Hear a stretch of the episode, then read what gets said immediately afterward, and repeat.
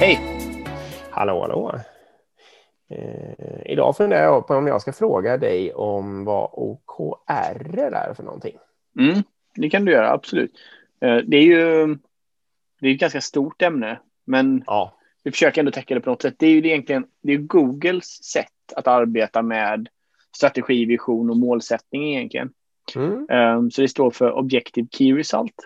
mm, Och tanken är ju då att de sätter ett objektiv, liksom, vad är det, vad ska vi nå någonstans? Och sen så eh, är det ofta då lite, det är lite långsiktigt eller det är lite ambitiöst ska man säga. Mm. Inte långsiktigt, mer ambitiöst. Och sen så har man olika KRs då som är key results för att komma närmare det målet helt enkelt. mm,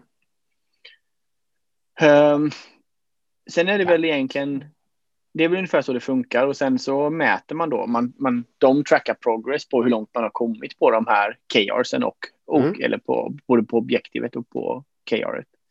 Ehm, så man gradar det helt enkelt mellan 0 och 1 där man tittar på hur långt man har kommit, hur nära man är på att nå målet då.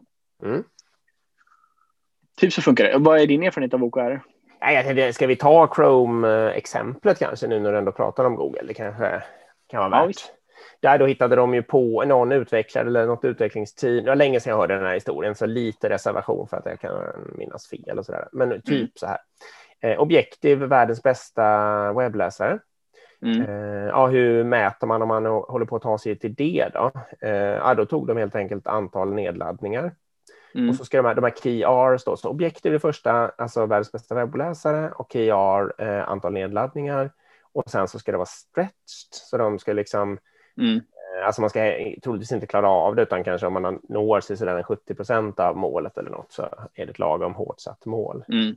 Eh, och då var det så här, kanske eh, 30 000 eh, eh, nedladdningar eller något sånt där första året och så nådde de inte det, liksom, de fick 15 eller något. Och sen så Mm. tror jag de höj, men de kände att ändå att här har vi något, vi kommer kunna göra en webbläsare. Liksom. Så Mm. satte de om då två eh, till någonting 60 000 eller något sånt där, han nådde inte det heller. Eh, och sen så år tre så var det 120 000 eller något tror jag, och då blev det ju, överträffades det ju stort. Mm. Liksom. Så då hade de uppenbarligen satt det för dåligt, men då kan man ju säga att de kanske hade nått det där målet, för sen rasslade det väl till och blev typ världens bästa webbläsare. Mm. Ja, men precis, och det är väl så, så man får göra. Att om man, om man når sin KR, om man får 1,0, då har man satt lite för oambitiöst mål i tanken. Ja. Så då, då, då ska man fråga sig, om man lyckas med allting, om man får 1,0 på allting, då ska man fråga sig, okej, vi kanske inte sätter tillräckligt eh, utmanande mål, utan Nej. vi kanske borde liksom utöka dem. Man ska inte nå hela vägen fram varje gång på allting. Liksom. Men i det här Chrome-fallet så var det väl mer att indikerade att satsningen kanske var klar och att de gick in i ett förvaltande läge av den där. Liksom. De hade ändå Ja. förmått att, att få fram den. Och det ska man väl säga också, att man ska, inte, man ska undvika att sätta sådana här OKR på saker som bara ska bibehållas och sånt där. Mm. Liksom. Man ska, man ska liksom inte sätta bibehåll marknadsandelen eller något sånt där, utan man ska göra det på sånt där man vill få till en förändring. Precis. Eh, sen en annan sån här tumregel kan väl vara att man ska ju inte, man ska inte hålla på att sätta KRs på andra, utan teamen eller individerna själva ska sätta dem. Liksom. Ja. Eh, objektivsarna kan ju vara företagsövergripande eller något sånt där och, och, Mm. och liksom satta på det sättet. Men sen ska det vara teamen själva som ser vad de kan bidra med till ett visst objektiv och, och sätter det för sig själv. Liksom. Precis, det som är så bra här, det här ska ju vara transparent då, så på Google kan alla se alla, alla teams KR så att säga. På Mm, alla precis. nivåer. Och även Precis. vdn har ju egna KRs på sin Ja. personliga utveckling som han delar med sig varje kvartal. Um, så det är liksom helt transparent i hela organisationen. Och det som är bra också med det här, det är att det tar ju bort det här traditionella. För traditionellt jobbar man ju med vision, man har strategidokument, man har någon så här femårig strategi framåt som dräller ner Mm. ja, och så vidare och så vidare. Mycket av det försvinner här, för det blir ganska Mm. uppenbart på de olika eh, både objektiven och cares, vad de, vad de gör. Det, det visar ju också vad som är målet för organisationen på alla Ja. nivåer. och vad som kommer i fokus och vad som kommer att bli gjort. Så att säga.